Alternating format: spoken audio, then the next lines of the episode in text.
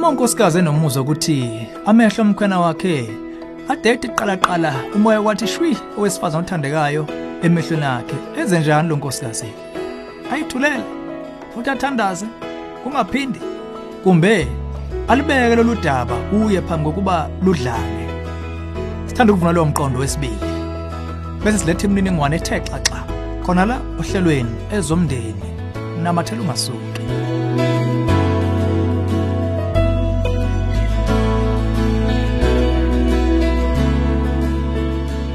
Angithatha ithuba ngikubingelele ezomndeni uhlelo ukulethela izeluleko eziphathekayo ngabaka focus on the family. Sithola umbuzo kunkosikazi okhathazekile. Uthe kumele ngiphatheke kabi? Uma ngibona umkhwena wami azaphendula ikhanda amehlethe njo komnye wesifazane? Ube ngothembekile kimi nohlale ngithembisa njalo njalo. Ngiyamethemba futhi ungokugcina kwabesilisa engambiza ngonoyiketi. Nokho kuyangikhathaza ukumbona enze njalo ikakhulukazi uma sebantu nabaningi ngakube ngenziwa isikhwele ngaye? Imizwa yenhliziyo ilokhu eyikho. Lokho kanye ngokuthi indlela yokujeqeza emkhwena wakhe yakulemaza kudaba ngokwalo oludinga ukulungiswa ngokwalo nje. Emshadweni uma into iyinkinga komunye isuka iyinkinga kubo bonke. Khumbula wena nomkhwena wakho nihlanganiswe ebunyeni obunyamanye okungxenye yakho kuchaza ukuba kumele usebenze kanzima ekufinyeleleni ukuba niqondane omnye nomunye ngokwengqondo imizwa inhliziyo. Siphakamisa ukuba nibe nethuba nomkhwena wakho umvulela inhliziyo yakho ngalomkhuba wakhe wokujeqeza abanye besifazane. Phambi kokuthi leso sinyathelo kuzokusiza ukuqala uyibuze eminye imibuzo. Ngqo ngqo ngqo sekunesikhathi esingakanani lokhu kwenzeka? Ngakube into owuyazi ngisho naphambi kokuba nishade? Uma kuyinto entsha ikhona yini into eyenza kumkhwena wakho njengamanje engaba imbangela loluguquko oseluvese lwathi thushu? Bukhona umzima elibhekene nabo noma kuyiphi nje ingxenye yomshado wenu.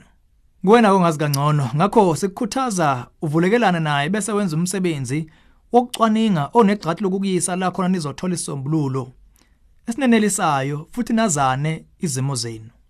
Kugcine engqondweni ukuthi amadoda nabesifazane bathungelwe kume bathungwe ngendlela ehlukene uma sekuziwa kwezocansi.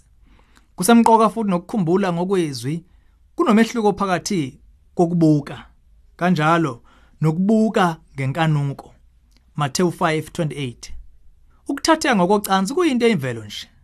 Uma kudlula intokazi ebuwekayo bese indoda iqaphele lentokazi ukwenza kwalokho ngokubuka nje kokuthi jeb jeb akusikho ncimishi nokumkhanuka owesifazane.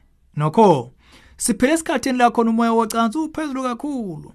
Kugcwele ufufunyane lokulalana okubiza ukuthi noma yipi indoda engumKristu elangazelela ukulandela uJesu idinga ukucabangisisa ukuthi ivika kanjani futhi ithiba kanjani kuyinkulumo ezihuhanayo ezihlasela ndawo zonke. Indoda ingafunda ukuthi leyo mizwe ebucayi enovuthe vuthe ukuba ifika igadle iphela amandla kuyo ingayicibi ingangeni enhlizweni nasengqondweni yayo. Ngamanye amazwi ingayiphilisa ngamazwi kaMartin Luther athi enye indaba ukuthi inyoni yehlele ekhanda lakho kodwa ke sengenye ukuthi uyayivumela yakhe isidleke ekhanda lakho. Ilokho kanye okuchaza ukunqoba inkanuko.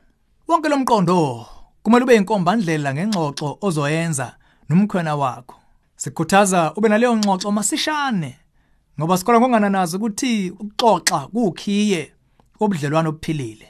Uma unomuzwa ukuzizwa ungeke ukwazi ukuxoxa nomkhwena wakho ngokukhathaza kumbe ukwazile ukukhuluma naye kodwa wayiveza engayimisela ukuxoxa siphakamisa ukuthi kunamakhono emshadweni wenu ayizingqinamba adinga ukushanelwa ngokululekwa ngumelapho emshado okuqeqeshelwe lokho.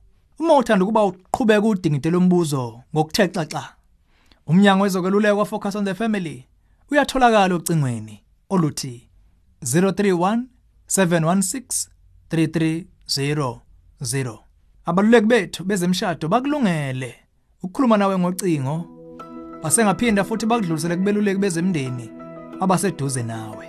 Ukwehluleka ukuvulekelana odabeni olubucayi njengalolu. Kungakhombisa ubungozi bobudlane benu okumele nebala kumunye ngokusheshsha lolu hlelo ezomndeni ulethulelwe yi-focus on the family sihlangabezwa ohlelweni oluzayo